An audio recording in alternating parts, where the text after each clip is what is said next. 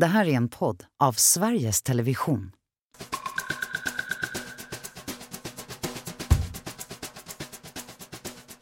Ryttaren Peder Fredriksson är en ovanlig toppidrottare vars framgång bygger på lyhördhet snarare än på tävlingsinstinkt. Och det går vägen!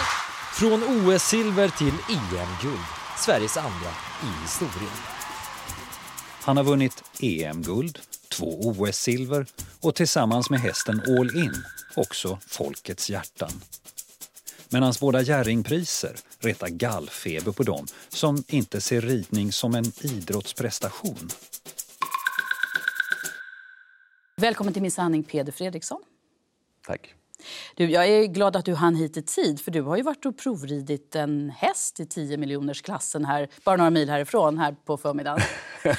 Hur gick det? Det gick bra. Jag tyckte om hästen, gjorde jag. Ja.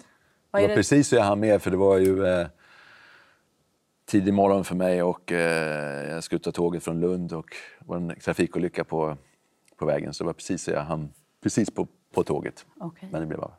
När du sa att, du, att det gick bra, vad betyder det? Ja, först så har jag kollat, om jag ska pröva en häst så kollar jag alltid upp först eh, filmen på hästen. Eh, resultat är väldigt viktigt, vad den gjort på tävlingsbanan. Jag kollar upp eh, härstamningen, alltså vad det är för mamma och pappa, att det finns bra gener.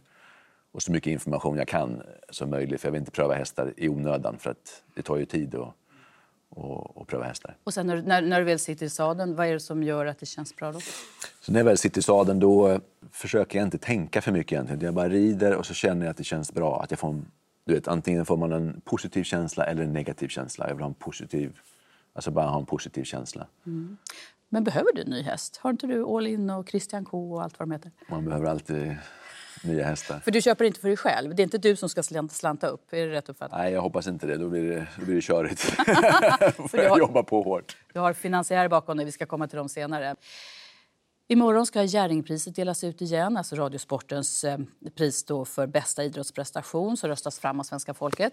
Den här gången är du inte nominerad, men du har vunnit de två senaste åren vilket ledde till ett jäkla liv faktiskt. Det var protester och synpunkter och kritik från framförallt sportjournalister och kommentatorer. Hur kommer det där sig, tror du?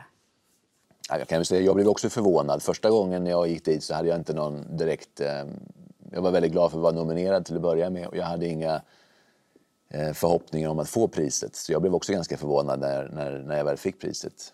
Eh, jag blev förvånad och jag blev också väldigt glad såklart. Men det, den kritiken, vad, hur tolkar du den? Jag tror, nummer ett så tror jag att ridsport är en ganska svår sport att förstå. Alltså vad ryttaren gör för att få hästen att hoppa bra i, i våran sport. Man tror kanske att man behöver en bra häst och så rider, följer man med lite grann. Ja, du satte väldigt fina ord på det tycker jag i, i ditt eh, tacktal när du fick Jerringpriset första gången 2016. Vi ska titta på det. 2016 års Jerringpris går till Peder Fredriksson. Peder Fredriksson är en av få ryttare i världen som tävlat i både fälttävlan och banhoppning i OS. Ikväll är han folkets favorit. Det starkaste minnet jag har från Rio är när vi står och väntar på att få gå in på banan på finaldagen. Jag tror att det gäller alla idrotter att just det här ögonblicket precis innan någonting avgörande kan hända, det är extremt laddat. Jag står och väntar, eller sitter på all in, väntar på att få gå in. Jag kan känna hans energi genom sadeln. Jag kan höra hans andetag. Och genom stövlarna kan jag känna hans hjärta slå. Och jag vet att det är nu det gäller. De 90 sekunderna på banan finns det inget utrymme för misstag. Varken från hans sida eller min sida. Och innan man travar in då så måste man som ryttare vara både extremt fokuserad men också helt avspänd. Och det är då när man när en ryttare och häst kan fånga det till 100 procent. Det är någonting som är, det är väldigt svårt att sätta ord på. Det närmaste jag kan komma är, är magiskt. Och det är min sport, det är ridsporten. Hur minns du den där stunden? Ja, det var ju mäktigt. Va? Jag var liksom lite eh, tagen av det för jag hade inte förväntat mig att få priset. Och, och knappt- Hade du inte repeterat det där talet? Är det sant? Nej, inte repeterat, men jag hade ungefär Ja, på, du på hade koll. något där. Och sen, och sen var det bara jag och, och någon kvar och då tänkte jag okej, då fick jag slipa lite extra på det. Så jag visste ungefär vad jag skulle säga. Men det var så mycket folk när jag kom upp ju, så det var, men det var en, det var en härlig, härlig känsla. Ja, och du pratar om All In här då, din stjärnhäst. Eh, och återigen, bara hänga kvar lite vid den där, den där oförståelsen som du var inne på. En del säger så här, varför ska, varför ska ryttaren ha pris? Det är väl hästen som gör jobbet? Ja, det är en kombination kan man säga. Det är klart att, att eh, som ryttare är man ingenting utan sin häst. Hade det bara varit att, att, att det var viktigt att, att ha en bra häst, då hade ju de bästa hästarna vunnit hela tiden och hade kommit nya ryttare i sporten. Men, men som det ser ut nu så är det ju ofta samma typ av ryttare som är med Så det är tvärtom ut. egentligen? Ja, egentligen är det tvärtom. Att det är ryttarna som, som, som gör de här hästarna eh, till stjärnor. Sen måste ju hästarna ha, det vi letar efter, att de måste ha råmaterialet och någonting att forma utifrån. Men det är ju, eh, man brukar säga vad är viktigast, hästen eller ryttaren? Jag skulle säga att, att ryttaren är viktigare. Därför att eh, det är samma ryttare som kommer år efter år med nya Ja. hästar. Eh, och, och när det gäller All In, då, denna stjärnhäst som du från början var lite tveksam till för han är så liten. Eh, din fru Lisen, hon har beskrivit honom som att han är som Ingmar Stenmark. Vad menar hon med det? Ehm, Alla hästar har ju sina personligheter, precis som du och jag har vår personlighet. Och det tror jag är, är ehm, en av de roligaste sakerna med att vara ryttare, är att, att varje ny häst är, är en ny utmaning och en ny personlighet att upptäcka. Eh, och hans personlighet, han är, eh, vad ska man säga, han är lite, ja, kanske är som Ingemar Stenmark. Inbunden? Ja, han är, Tyst. lite, han är lite introvert. Ja, han. han är inte det. så kontaktsökande och han är inte så Nej. du vet, eh, utåtgående utan man får liksom... Inte så lätt att läsa, eller? Nej, inte så lätt att läsa han inte. Utan, För jag menar, ingen häst pratar väl i och för sig? nej, nej, det gör de inte. Men man lär känna, det finns ett ordspråk som är så att eh, hur det går nu, ingen hemlighet är så, för, så förtrolig som mellan ryttare och hans häst. Och det är det att man, man liksom, när man jobbar med en häst varje dag um, och verkligen liksom är, är närvarande så lär man känna varandra väldigt bra. Och eh, All In har jag haft länge nu och han har ju varit en, en topphäst med mästerskap med rest runt hela jorden och han har haft um, han är en, en, en, en extremt talangfull häst men han har också lite sidor som är lite svårare att jobba med som, som har gjort att vi har fått anstränga mig lite mer. Och det gör att vid det här laget känner vi varandra väldigt, väldigt bra. Han känner mig och jag känner honom och det är liksom ett, ett ständigt... Eh, Jag hörde dig säga för en stund sedan innan inspelning, ibland är jag mer som en häst än som en människa. ja. Är det så? Ja, alltså man är ju, eh, eftersom att det är så himla viktigt att hästarna mår bra. Ehm, om hästarna inte mår bra, eh, Eh, dels för det är inget kul att jobba med, vi vill att de ska må bra för vi tycker om dem, men de måste också må bra för att eh, de ska gå bra inne på banan. Det gör att man måste hela tiden känna av eh, hur de mår. Eftersom du sa, att de kan inte prata, de kan inte säga direkt så här, idag känner jag mig lite, jag har ont i huvudet idag till exempel, eller jag håller på att bli förkyld eller något sånt där. Men som ryttare måste man, man måste känna av hela tiden. Så fort du går in i stallet och du tittar i stallet, om du är en hästmänniska, så kan du, kan du direkt se signaler. Till Från- exempel? Från att du tar första steget in i stallet så, så kan du direkt se om en häst i vanliga fall sträcker ut huvudet och kollar, du vet, den kommer nu. Om det där huvudet inte kommer ut och man går fram och tittar in i boxen och den står med huvudet i hörnet, då vet du att det är någonting som inte är som det ska. Och då börjar man ju direkt omedvetet titta så kollar man om den har ätit upp maten eller inte och sen så börjar man där. Men så kan det vara att allting är vanligt, men man sitter upp och man rider och det känns annorlunda än vad vad det brukar göra. Eh, Då måste man också direkt tänka, vad är det som känns annorlunda och varför känns det annorlunda? Och har det någon betydelse eller inte? Och, Och därmed så går du in i hästen på något vis, att känner det han känner? Ja, lite, ja man måste, precis, man måste känna av, vad kan man säga, att det är som en, eh, när man rider, lite som en frågelek. Liksom. Man, man, man ställer frågor till varandra och så ser man vilka svar man får. Jag ber hästen om någonting med, mina hjälp, med, med min, min skänkel till exempel. Och i vanliga fall så går han alltid fram. Men om man inte gör det, då vet jag okej nu är det någonting som är annorlunda. Eller om han i vanliga fall alltid vill gå av sig själv och han helt plötsligt inte gör det. Eller han är stel åt ena hållet eller åt andra. Då vet jag att okej nu är det någonting som... Och det gäller att lista ut vad det är. Det gäller att lista ut vad det är innan det blir ett problem av det. Det. Man kan ju tvinga hästen då att göra det men då kommer den bli stressad kanske eller få ont någonstans och så får man får man bakslag. Idag är du rankad femma i världen i hästhoppning. Vad är ditt mål? Ja, Säg det. ja, ja. ja. Jag har alltid, mitt mål tidigare har alltid varit att bli bättre kan man säga. Och utveckla mig, för det tycker jag är, är någonting som driver mig, att alltid hitta utveckling. Men nu vill du bli bäst. Nej, men jag ska inte säga att jag vill bli bäst, men jag känner också att jag har, jag har fortfarande kvar den här drivkraften att jag vill utveckla mig och att jag vill bli bättre. Men det är klart att eh, är man topp 10 på världsrankingen så vore det ju konstigt om man inte ville komma uppåt. Man kan ju, man kan ju liksom... Så ettan, första plats. Ja. Ja, ja. Jo, men det är också, det är också en, en, en farlig målsättning att sätta också. För det, det kan lätt bli som en förbannelse också. Det här att man, att man måste bli nummer ett. Därför att det innebär att man nästan aldrig blir nöjd heller. Nej. Och det är, en, en, Är det ett realistiskt mål för dig? Det jag inte vet. Det är Helt det. ärligt, det är det jag inte Mm. vet. För jag har aldrig varit där. Och, ehm, och, eh, Nu har du till maj på dig att samla rankingpoäng. Är det så det funkar? nej, man har egentligen... Eh, rankingpoängen byts ut varje månad. Så låt säga... ehm, för att jag ska gå upp på rankingen så måste jag få mer rankingpoäng nästa månad än vad jag hade förra året. Så att det är en ständig... Och det innebär, ska du, ska du hålla dig kvar på rankingen och gå upp, då måste du tävla i princip varje vecka. Och du måste leverera resultat varje vecka. Och du tävlar nu varje vecka? Ja, i stort. I princip gör jag det. Ja.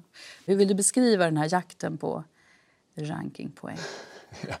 Men den har kommit, alltså, grejen är, det har ju kommit tidigt, eller det har kommit sent för mig den jakten. För jag har inte varit tävlings, så tävlings, vad ska jag säga, tävlingsinriktad. Det har mer varit att jag vill, som jag sa, jag vill utveckla mig själv, jag vill utveckla mina hästar, jag vill göra så bra jag kan. Mm. Eh, på en viss tidpunkt, kanske vid ett mästerskap eller någonting. Och eh, göra mitt absolut bästa. Och då har det räckt till en viss ja, placering, då man har vunnit ibland och så vidare. Men jag har inte tävlat så mycket mot andra. Alltså mer, mer att jag tävlat mot min egen nivå, hur jag varit förut. Och det är ett rätt behagligt sätt att tävla. Mm. För att det är, är lite som ett eh, projekt där man vill bli bättre och så vidare. Men när man börjar tävla mot andra och jaga rankingpoäng, då är det helt plötsligt en, en, eh, en annan sida som, som kommer upp hos en. Och jag vet inte om, eh, om det är en så bra sida. Att vara den där vinnarskallen? Nej, precis. Du är lite, du är lite Det kluven i det där. Varför det? Vad är det för... Nej, men... ehm,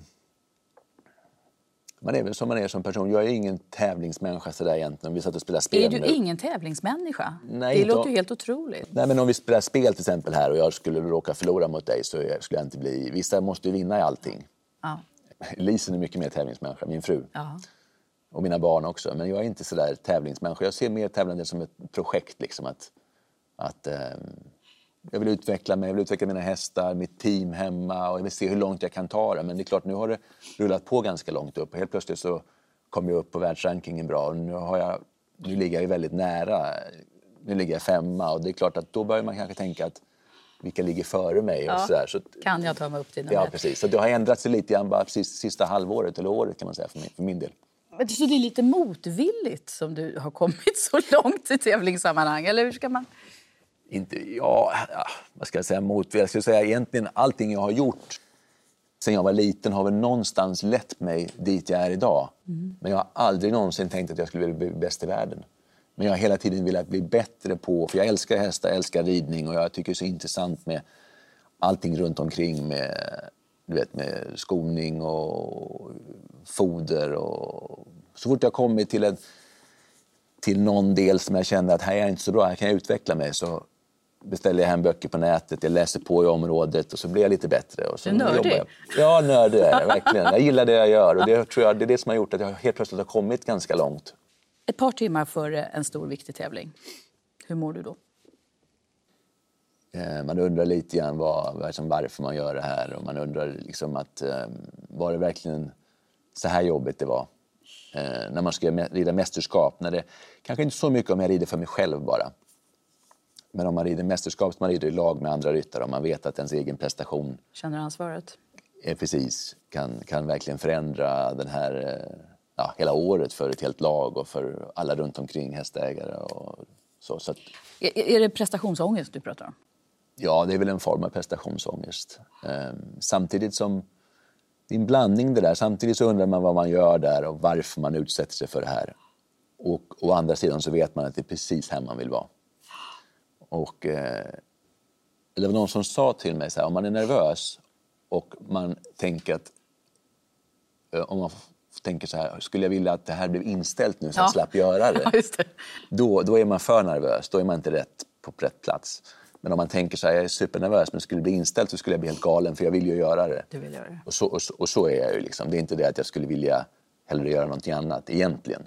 Men när man är just där så kan man inte säga att det är en, en njutning eller att det är jättekul utan det är, är, är tufft. eh, Men samtidigt känner man också att man lever på riktigt, att det, det är nu det gäller och det gillar jag. Där. Man får en kick av det. Du är 47 år idag. Eh, hur ser du på det, med åren och åldern? Jag tror inte egentligen tror jag inte åldern har någon som helst betydelse överhuvudtaget. Utan eh, jag tror ju så länge man eh, har lågan brinnandes och man vill bli bättre. Det tror jag det är det det handlar om egentligen. Att så länge man liksom, Och i kroppen är okej förstås. ja såklart. Men det, är också, det får man också jobba med. Jag tror det, det får man nog jobba lite hårdare med när man blir äldre. När man var yngre så tog man kroppen för givet. Men, men det får man ju Eller hålla sig i form. jobba med. Hur gammal var du när du började rida? Eh, yngre än vad jag kan komma ihåg. Alltså vi pratar om ett, två år? Eller? Ja, jag satt nog på min första häst väldigt tidigt. Och, eh, jag kan i alla fall inte komma ihåg när jag inte har ridit om man säger så. Ja. Fick en ponny i tvåårspresent råkar jag känna till. Kan Var det inte så? Ja, kanske det. Som sagt, jag kommer inte ihåg det. Så att, eh, men jag har alltid ridit. Att du var bara fem år när du tävlade för första gången. Fälttävlan. eh, Och så red du vilse i skogen. Jag tänker dina föräldrar måste ha haft nerver av stål. Fem år ensam på en häst. Rider vilse i skogen. Det var ju 70-tal, du vet. Det var eh, fri uppfostran. Ja. Vad tänker du om det? Du har ju tre barn själv idag med säkerhetstänket. Ja, jag är nog också ganska... Jag är nog ingen curling, curlingförälder, det tror jag inte. Aha, hur då? Nej, men jag tror att det är viktigt att barnen själv får ta initiativ. Eh, nummer ett så tycker jag de ska göra det de tycker om och det de brinner för. Och, eh, sen måste de ha glöden själva liksom, och ta sig fram. Och det tror jag är lika bra att de lär sig när de är yngre. Att ska det bli någonting gjort så får de göra det själva. För så blir det i alla fall senare i livet. Okej. Både din pappa och din morfar var hästkarlar. Eh, din pappa distriktsveterinär i Uppsala och så småningom eh, chef för ridskolan på Flyinge i Skåne. Och så din storbror Jens, han var ju också, tillhörde ju också, eller gör väl det fortfarande, eh, ryttareliten i Sverige. Eh, fanns det något val för dig egentligen? Med alla dessa hästmänniskor omkring dig? Ja, men det, det måste jag säga att jag har alltid haft, eh, jag har alltid haft val att göra vad jag själv har velat. Men jag har alltid tyckt om hästar och ridning. Så att, eh, men det var inte självklart heller. När jag gick i skolan så hade jag en häst och jag red lite grann och var intresserad av grafisk design och gick en utbildning för det. Och det, var inte all, det har aldrig varit självklart att jag ska jobba egentligen med, med hästar utan det ena har lett till det andra. Och, eh, det har blivit som en, en livsstil. Jag nämnde din storebror Jens förut. Eh, ni red mycket ihop och red väl i kappa, antar jag, sådär, som killar gärna vill göra. Eh, och nu är du världsstjärnan, lillebrorsan. Hur, hur påverkar det er relation?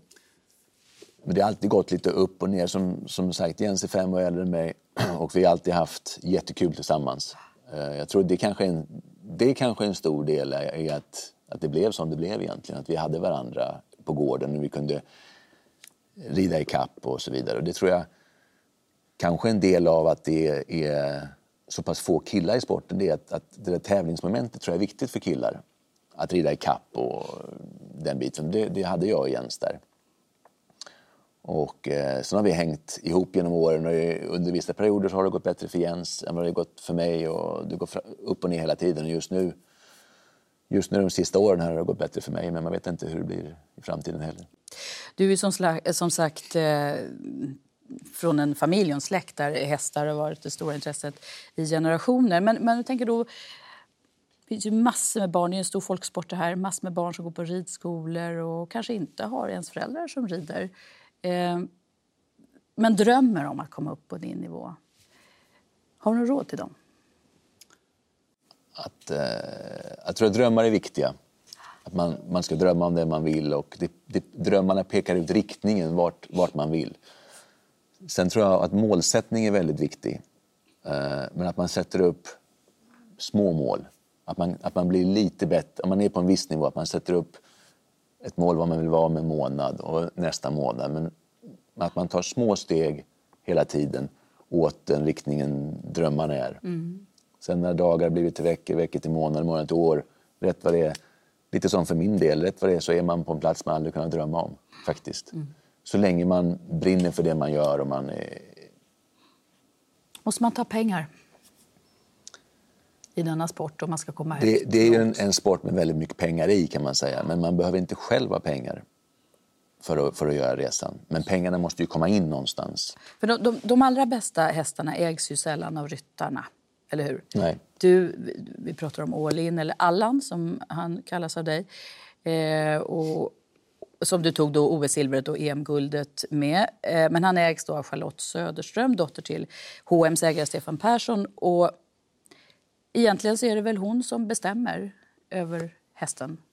Hon äger ju hästen, absolut. Ja. Så att, eh, hon bestämmer över hästen. Sen får man ju, jag tror det, viktiga man har, det viktigaste är att man har en situation eh, där alla är nöjda och alla är glada. Egentligen det handlar om i slutändan. Hon Att kanske alla, vill sälja honom plötsligt. Det kanske hon vill, absolut. Men vad, vad skulle du säga då? Men det måste man prata om innan man går in i... i eh, Så det har ni gjort? ja, det har vi gjort. Absolut. Så att... eh, Är han till salu? All In? Nej, det är den inte. Och det är jag väldigt tacksam för. Jag har haft tur, jag har fantastiska hästägare. Jag har Astrid Olin som jag har hästar med i över, över 20 år och och Charlotte som jag har haft i väldigt många år. Har, Men är det inte lite frågan om hur högt bud som kommer in? ja, det beror på såklart. Men vad är det Pengar, pengar, pengar är pengar och en häst är en häst. Är liksom, Hur mycket är All In värd idag skulle du säga? Efter OS-silver och EM jag vet inte exakt. 100 miljoner kronor? Jag kan inte säga. Liksom, han är värd så mycket som någon att betala för honom. Ja. Men det är klart, jag kan säga så att det, hästarna går ju för väldigt mycket. Alltså topphästarna som, som kan vara med och, och, och leverera på högsta nivå är värda väldigt mycket pengar eh, idag. Så är det. Hur kom det sig att han var till salu när H&M då köpte honom åt dig? Så kan man väl uttrycka det. Varför var, om han var så stjärna, varför var han till salu?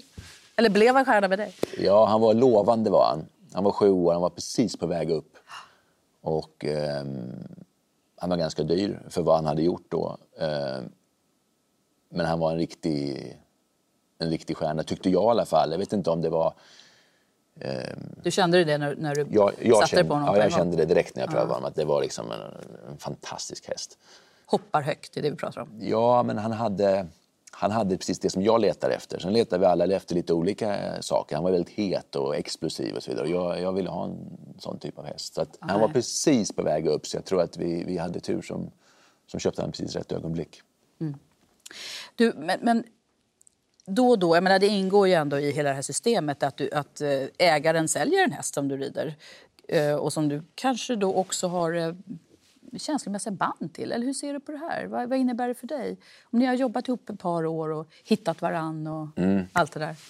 Alltså, till att börja med kan man säga att, att eh, hästägaren och jag har alltid en dialog. En ständig, alltså, om, om så säger vi ska köpa en häst ihop så, så går vi in först och säger "Hur- varför köper vi den här hästen? Vad vill, vad, vad, Är det en långsiktig ja, plan Vad vill hästägaren ha ut av det? Ja. Är det bara ekonomisk eh, satsning eller är det en långsiktig satsning för att få framgång? Eller vill vi tävla på det här stoet så att säga, låta henne gå upp i Grand Prix och sen kan vi avla och få föl och så vidare. Så att, så att man har liksom en, en, en gemensam syn på vad, vad satsningen ska innebära. Och sen skriver, jag, skriver vi alltid kontrakt mellan varandra. Exakt med alla detaljer och så vidare. Så att man kommer ihåg vad man kommit överens om och man kommer i någon speci- speciell situation att man vet att man är överens. Så att det inte blir en överraskning att någon helt plötsligt eh, kommer på någonting. Utan, för det är, så, det är en så pass stor satsning som man måste vara... Men kan det stå i kontraktet minst fem år? Det kan du göra. Ja. Det kan stå på livstid, precis, vad man, precis vad man kommer över- överens om.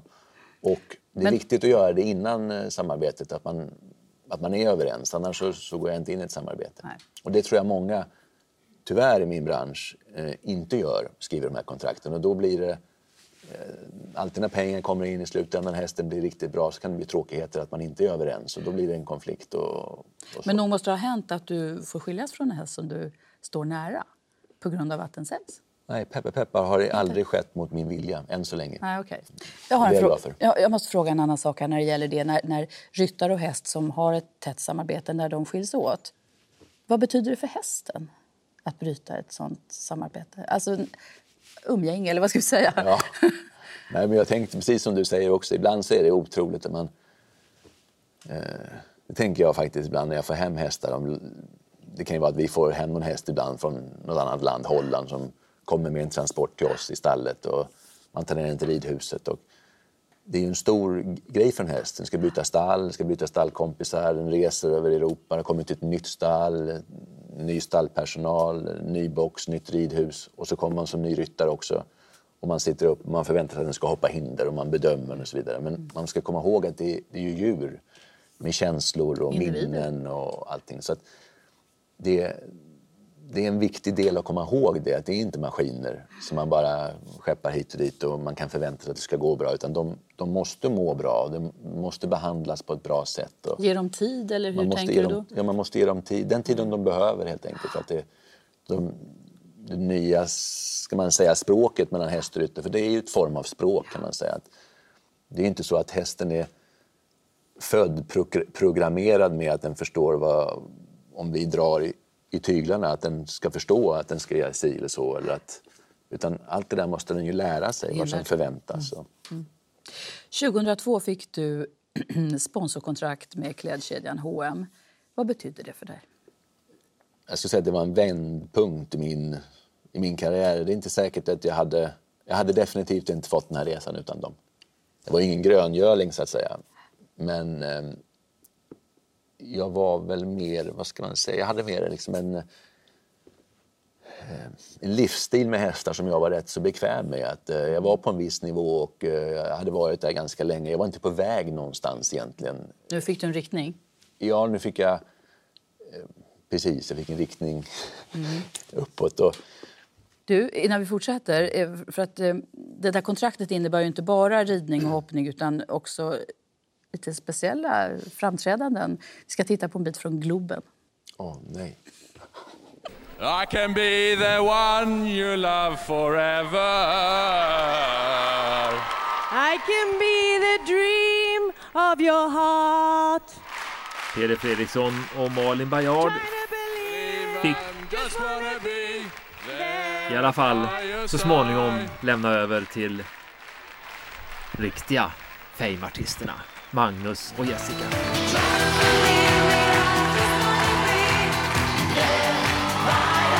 Det där är lätt att se, va? Åh, Gud. Man ser att det var några år sedan man hoppade utan hjälm. Det skulle man aldrig våga göra nu. Nej, exakt. Men du, det här sången, vad var det? Åh. Jobbigt att se på redan, redan, eller efter alla de här åren till och med. Nej, det var så här, jag fick sponsorkontraktet och då var jag, som jag sa, jag var inte på någon, eh, på någon större nivå. Eh, Men jag var ju såklart jätteglad att få sponsorkontraktet med Hennes Mauritz. Och, ehm, jag hade en lagryttare som hette, eller som hette Malin Bajard som fortfarande är med i laget. Och hon var, Som vi såg sjunga här med dig. Precis. Hon var redan då var hon ju liksom en av de bästa i världen. Så att glappet mellan oss två var ju väldigt, väldigt stort. Och eh, ja, H&M ville att jag skulle ta steget upp såklart. Och, och, men jag, jag lyckades inte riktigt i början göra det. Och då, Det gick inte så bra på tävlingarna för dig nej, det gick inte så bra. Det gick, precis, det gick inte så bra som jag, hade, ja, som jag försökte helt enkelt. För jag var inte bra nog. Och då tänkte de, men sjunga kanske? nej, men då, så hade, då sponsrade de den här tävlingen i Globen. Så sa de, du måste vara med på någonting. Aha. Och då sa de att eh, du ska få med på maskeradhoppningen. Och du ska sjunga. Och det var liksom inte min grej riktigt. Men då kunde inte du säga nej. Nej, det kunde jag ju inte för att jag, menar, jag var ju tvungen att göra någonting. Jag hade fått sponsorkontraktet precis och jag var inte bra nog helt enkelt. Och jag var inte lä- det var inte läge liksom att, att säga att... Jag, var, jag var inte läge att säga att jag gör det inte för att jag, jag menar... Nej. nej, men du var köpt. Jag var, precis- ja, Det kan man väl säga. jag var tvungen, jag var tvungen i- att göra någonting för mitt kontrakt. Du var liksom. tvungen att leverera Ja. någonting. Men, men vad jag tolkade rätt nu så var det här inge, ingenting du ville göra mer av. Eh, så då blev det någon slags vändpunkt, eller? Ja, när jag stod där på scenen så tänkte jag att nästa år så ska jag i alla fall vara bra nog så jag kan vara med och tävla på riktigt. Jag ska inte behöva uppleva det här en gång till, eh, att stå och sjunga och inte vara bra nog att vara med på riktigt. Det kände jag att nu, nu, nu måste jag liksom bli bättre. Och det blev du. Det funkade också så. Ja, det Då gjorde det. Ja, men det var, som jag sa, det var, en, det var en vändpunkt och det gav mig också en anledning till att eh, ta mig själv på lite större allvar och verkligen satsa på mig själv. Eh, mer än att bara ja, du vet, köra på. Ja. Och sen så börjar ju framgångarna komma. Eh, vilken seger är du mest stolt över hittills Eh, mest stolt över är, är över EM-guldet förra året. i Göteborg? Ja, i Göteborg. Slår det OS-silvret i Rio? Det är väldigt olika. Det känns som... Det var så, det var så en, enormt olika förutsättningar kan man säga. Vid OS i Rio så var det bara 54 hundradels sekunder från guldet. Och du var väl enda felfria ekipaget också? Men du är, alltså Rakt igenom, ja. ja. men du är ändå lite, lite för långsam. Mm. Det är helt fel ord visserligen. Men Mm. vad drog du för slutsats av det? Eh, när du skulle sen gå vidare efter det? För då grämde du väl antar jag? Ja, alltså först var jag ju... Det var en blandad känsla för att det är klart att jag var jätteglad över mitt eh, OS-silver. Men så när man är så nära ett guld så är det ju... Man säger jag var 80% glad och 20% lite förbannad att jag bara var för, lite för långsam. När jag var så nära. Och då det- ville du bli lättare? Har jag läst. Eh, Och då vill du gå ner i vikt? Ja, ja, men jag har alltid såna här grejer. Det, det, det, det var faktiskt... Men håller du på och bantar alltså? Nej, jag ska inte säga att jag bantar. Det blir nästan som en naturlig grej innan mästerskap att man går in så mycket i det och man laddar och då går man ändå ner lite grann i vikt. Men äter du kaffebröd? Inte så mycket. Nej. Du kan väl i alla fall ta en fika med oss nu, för nu har vi en paus. Absolut, det kan jag göra. Bra.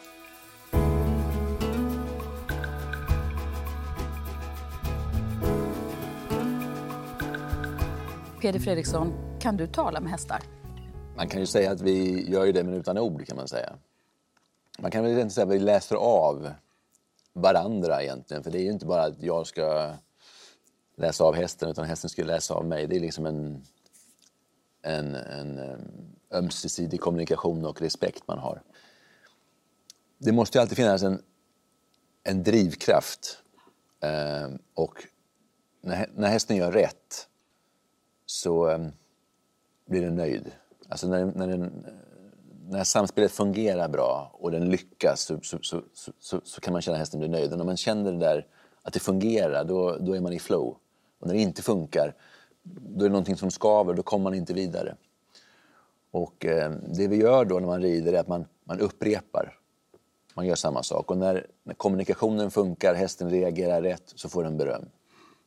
Och så släpper man av lite grann. Och så ställer man en fråga igen och får man rätt svar så berömmer man. Och så kanske hästen gör någonting och så ser den hur jag gör och så, Mm. och så spelar man fram och tillbaka. Hur kommer det sig att hästen gillar att få beröm? Ja, men, ja det är, vi gillar väl alla det. Att, liksom, Det är lätt att tro att det är något mänskligt liksom, med stora hjärnor ja, och så. nej, det är, för mina hästar fall är det en väldigt stor, väldigt stor drivkraft tror jag. Att de vill få den här klappen på halsen. Och när, de får det så måste jag också känna att de ger någonting tillbaka.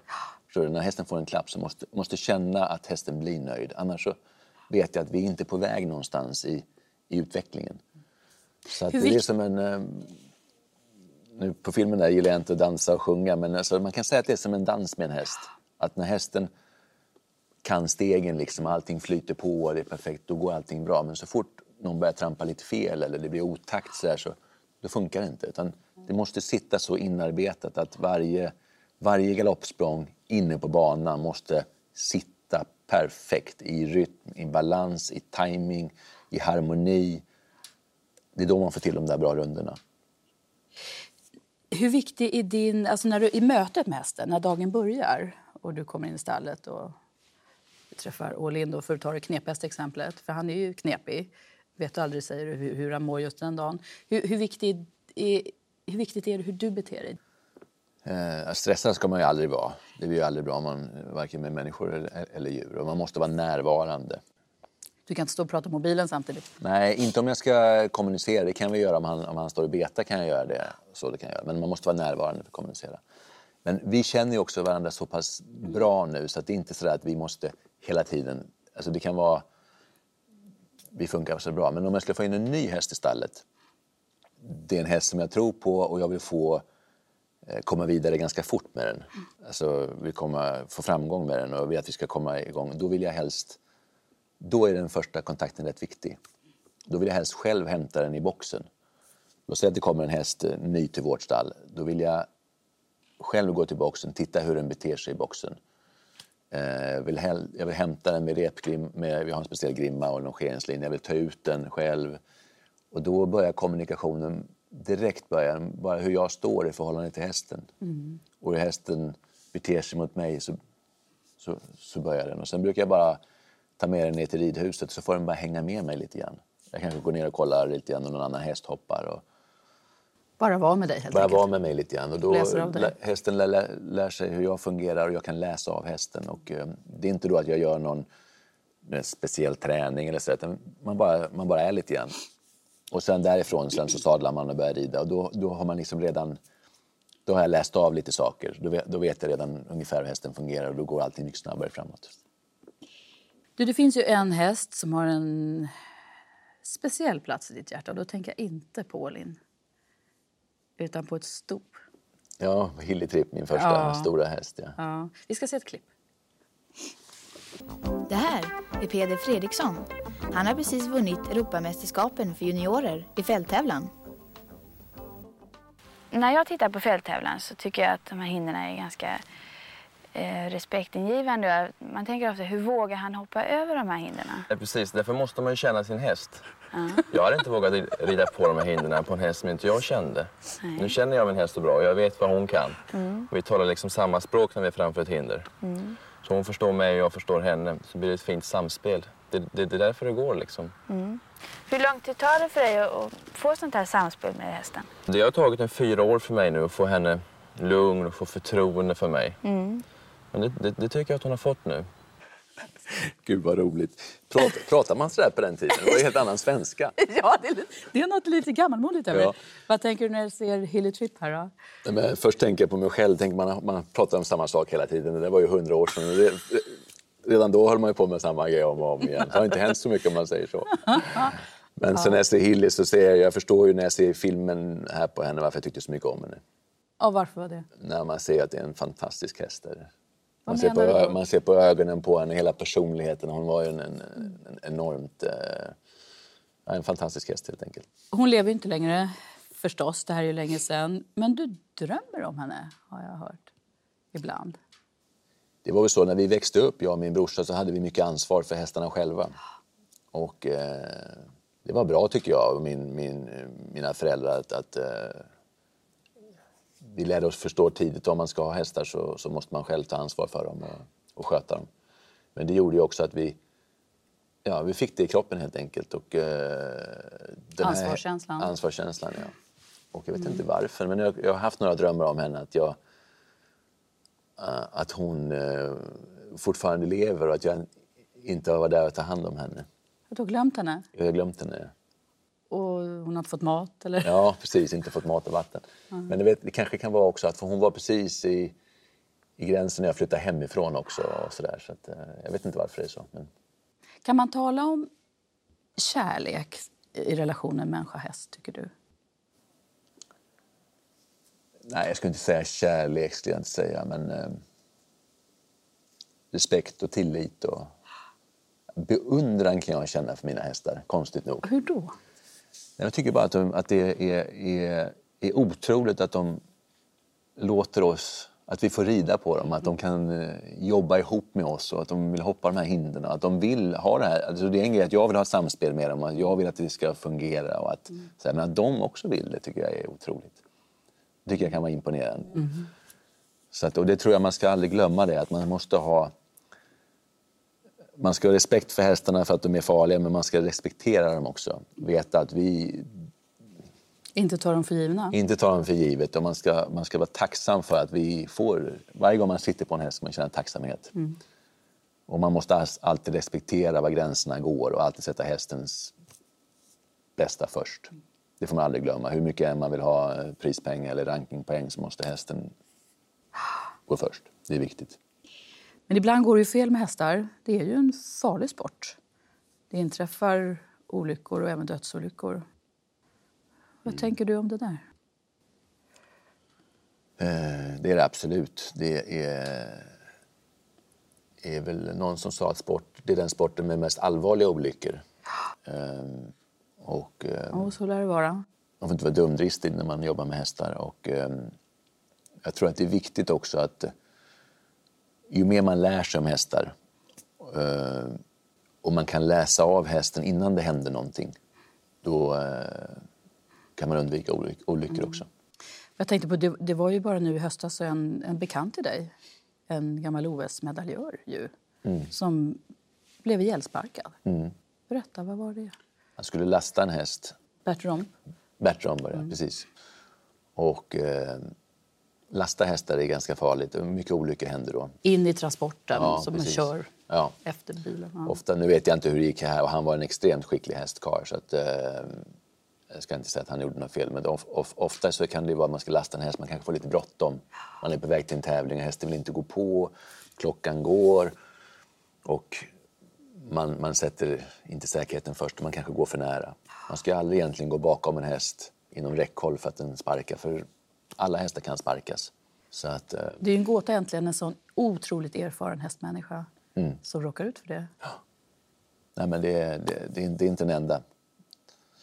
Kan det vara så att man, man, man tycker man känner sin häst, man har hållit på med det här sedan man föddes, man Mm. blir lite nonchalant? Ja, visst är det så. risk? Visst är det så. Det är precis som eh, när man kör bil egentligen. Man tänker, ofta tänker man så oh det var nära ögat och sen så går det bra. Men rätt för det så har man bara marginalen på fel sida. Så att, så att eh, man ska vara försiktig. Är du någonsin rädd när du idag rider eller hanterar hästar? Nej, det skulle jag inte säga att jag är, är, är rädd. Eh, Vilka och- situationer är det speciellt? Nej, men till exempel om jag, till exempel om jag ska pröva en häst. ehm, som nu i morse när jag var iväg och pröva en häst. ehm, nu känner jag till den här hästen så nu hoppar jag upp direkt. Men om jag åker och prövar en häst jag inte känner till så ber jag alltid den andra ryttaren hoppa den först. Något språng, för man vet aldrig hur en häst beter sig. Eh, till exempel när jag ska lasta en häst eller någonting så försöker jag hålla de här säkerhetsmarginalerna som man ska för att inte bli skadade. Och helt enkelt inte vara använda min rutin och min kunskap till att inte bli skadad. Men jag gör det också lite för att eh, jag inte ska få avbrott. Alltså, det, är mer så att jag inte vill, jag, det är mer att jag inte vill ramla av för jag vill inte bryta ett nyckelben eller Du förlorar massor med månader Tid, och ja. Det är mer- rankingpoäng. Ja. Det är mer, Ja, det, är mer det än att jag är rädd för att jag ska vet, göra mig illa Nej. egentligen. Men så då för, för eh, alla som undrar, ska jag låta min dotter, min son få börja rida? Hur farlig är den här sporten egentligen? Nej, men jag tycker man ska, man ska respektera... Eh, man, måste, man, man måste ha respekt för hästarna. Sen tror jag inte att... Jag tror vägen till en, att, att, att inte skada sig, det är inte att ha... Det är absolut bra att ha hjälm på sig, ska man alltid ha. Och skyddsväst och alla säkerhetsgrejer man kan ha är bra. Men den bästa säkerheten, det är att lära sig hur hästar fungerar. Så att du kan läsa av hur hä- hästen kommer reagera. Om du ser att det kommer en eh, tidning blåsandes på marken så ser du först tidningen och hästen står stilla. Då vet du om fem sekunder så kommer den här hästen se tidningen och då måste jag stå på rätt ställe. Det är så man, un- man undviker olyckor. Förutse riskerna Man längre fram. förutser, ja. Och likadant när man rider, att man kan bedöma... eh, Ja, man, man kan se innan hur, vad saker och ting kommer att hända. Och det är kunskap helt enkelt, och rutin och hästkunskap. Du är ju inte bara tävlingsryttare, utan du du var inne på det förut, du har också utbildning som grafisk formgivare. Hur mycket konstnärssjäl är du? Jag skulle säga att jag är ganska mycket konstnärssjäl faktiskt. Vad är det då? Vad är dig? Ganska oorganiserad och disträ. Och Är du eh, oorganiserad? Jag är extremt oorganiserad det enda sättet för mig att få ordning på eh, mitt liv är att, att skapa system för att vara organiserad. Okej. Så jag måste skriva ner allting, jag måste ha, jobb, verkligen jobba med det. Mm. Annars hade jag hade lätt bara kunnat flyta runt hela dagarna och göra lite det jag känner för. Och jag är en enorm känslomänniska. Och disträ, Väldigt. Glömmer du födelsedagar? Jag vet inte ens. hade de inte varit i kalendern hade de... Nej. Nej, jag, är lite så. Men eh, samtidigt har, har det gjort också att... Eh, eller till exempel om... Eh, nu målar jag inte längre för att jag finns ingen tid för det. Nu lägger jag all tid på min sportsliga satsning och på familjen. Men innan när jag målade kunde jag... Akvarell, mycket va? Ja, Mm. då kunde jag liksom försvinna in i det och helt plötsligt så var jag borta en dag från stallet och hästskötaren ringde och undrade var jag var. Och, vet, så hade det varit om, om jag bara fick vara som jag är. Men, men det har jag också lärt mig att det funkar ju inte på... Eh, om jag ska fungera på den nivån jag är så måste jag vara strukturerad och organiserad. Och då har jag liksom hittat system för att, Mm. hur jag ska jobba med det. Du, vi har nämnt eh, din fru tidigare, Lisen Bratt Fredriksson. Hon har också tillhört svensk ryttarelit och var OS-ryttare. Men idag så, så är hon vid din sida när du tävlar ganska ofta, va? Mm. Eh, hur stor del har hon i dina framgångar, skulle du säga? Jag skulle säga att vi har hjälp, hjälper ju varandra. Vi har stor del i, i allting vi gör. Eh, Jag står lika mycket vid hennes sida tycker jag i hennes projekt som hon står vid. Hon har massor med projekt. Ja, massor projekt. Men hon rider inte längre? Nej, det gör hon inte. Hon slutade rida för några år sedan för hon, hon kände hon hade en massa andra saker hon ville utveckla och jobba med som hon tyckte var, var mer spännande helt enkelt. Man skulle kunna säga så här, ja det är typiskt, nu är du då stjärnan och hon har fött tre barn. och står vid spisen. Visst är det tvärtom. Hon är hemma och har projekten och jag får vara ute och göra grovjobbet. Är det så? Nej, det är det inte. Men eh, vad ska jag säga? Vi har liksom eh, byggt upp den livsstilen vi har ihop tillsammans. Och eh, jag tror ingen av oss hade varit det vi, som vi är idag utan, utan varandra. Nej. Ni var ju med i tv-serien Ryttareliten eh, som gick här på SVT för några år sedan som var väldigt populär. Ja, vad kul att höra. Eh, så vi ska se ett klipp därifrån. Gick det? Gick det bra? Mm, det gick jättebra. Han var jättefin. Jätte, jättefin hoppande. Han är nästan, nästan, nästan, nästan på gränsen att hoppa alltså, för mycket bra. Ska du inte hoppa? Jag har ändå ridit landslaget i över tio år och man ser de här som kommer och de tävlar lite grann och sen inser de hur mycket jobb det är. Och efter några år så är de borta så kommer någon ny. Så att det är klart att, jag, att man, har, man har liksom tänkt att, att man skulle kunna haft ett, ett vanligt liv. och haft sina lördagar och söndagar. Vi har inga lördagar och söndagar. För, för oss är det kanske måndagen den närmsta söndagen vi kan komma. Ibland kanske. Det är några år sedan det här. ja, ja, verkligen. Det är kul att se barnen faktiskt. Ja. Hjalmar, han var år yngre. Mm, precis. Eh, ni blev lite kändisar efter det här, va? Du och Lisen. Ja, verkligen. Det var ju... ehm, vi visste inte riktigt vad vi gav oss in på. Nej. Men eh, det var jättekul var det. Och, eh, Du, efter OS-silvret i Rio för då ett par år sedan här laget så, så blev du så otroligt uppvaktad från många håll och du så fick förfrågningar om tusen saker. Hålla föredrag och skriva böcker, inte vet jag allt vad det var. Men, och så, så att du blev sjuk. mm. Hur kom det här sig? Vad hände? Man ska säga om hm satsningen var en vändpunkt för mig att, att, att kliva upp ett steg så blev OS i Rio ett, ytterligare ett steg. Och eh, då hade jag eh, ett sätt att driva mitt företag och min vardag och min, min tävlingssatsning på ett, ja, på ett visst sätt. Och eh, efter Rio då så vart ska man säga, arbetsbelastningen mycket större. Därför helt plötsligt så dök det in mycket mer förfrågningar om, ja, om föredrag eller um, intervjuer eller om jag kunde ställa upp och träffa någon som har varit sjuk. Eller, Man fick väldigt mycket mer mejl och förfrågningar om saker. Och jag var inte riktigt beredd på det så att jag körde på som vanligt att jag såklart ville svara på allting själv för jag tyckte att eh, ja, jag har alltid gjort det innan ju och eh, jag känner mig inte något annorlunda efter OS-silvret än innan.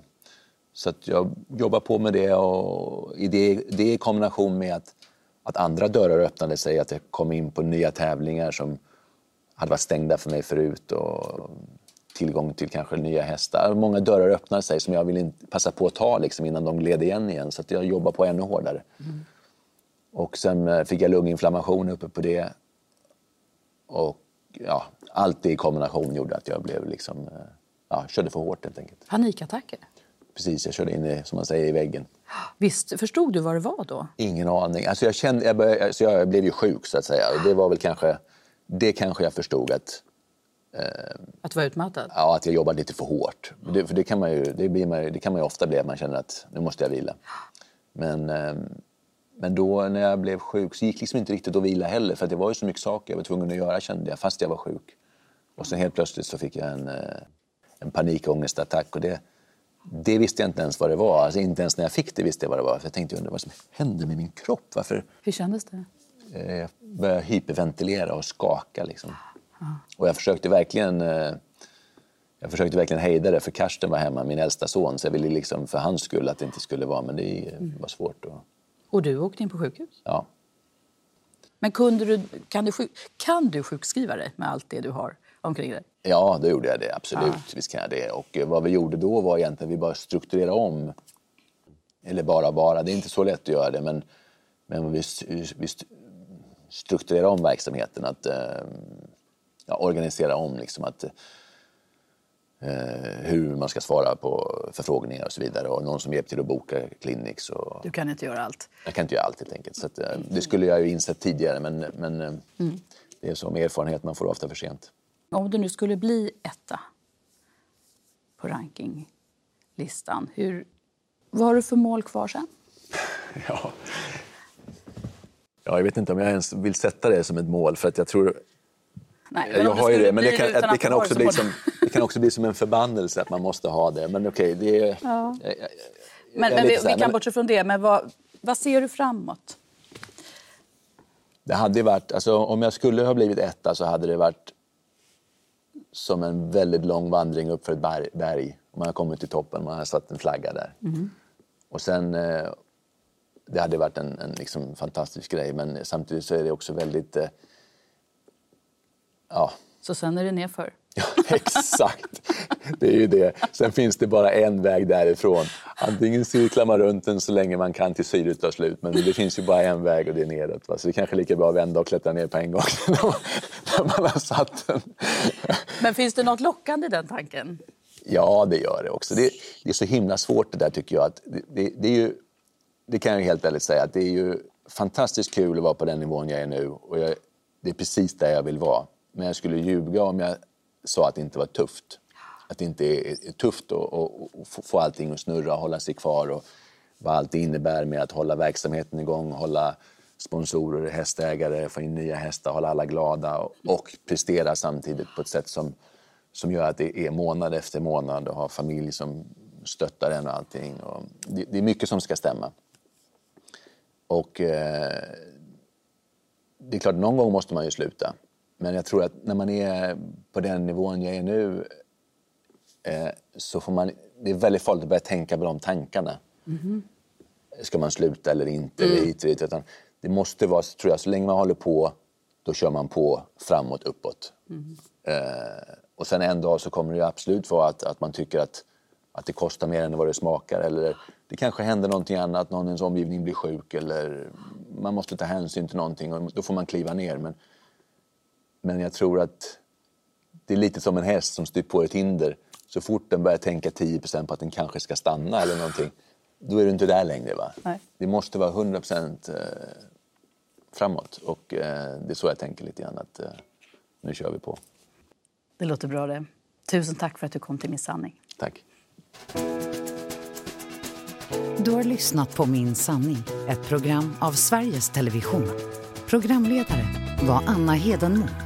Ni kan se programmet på SVT Play eller höra fler intervjuer där poddar finns.